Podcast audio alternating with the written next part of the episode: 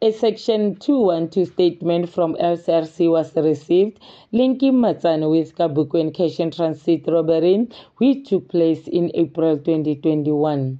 The accused was profiled and it was established that he was appearing at Masoyi Magistrate Court on a case linked to the murder of German tourists in 2022.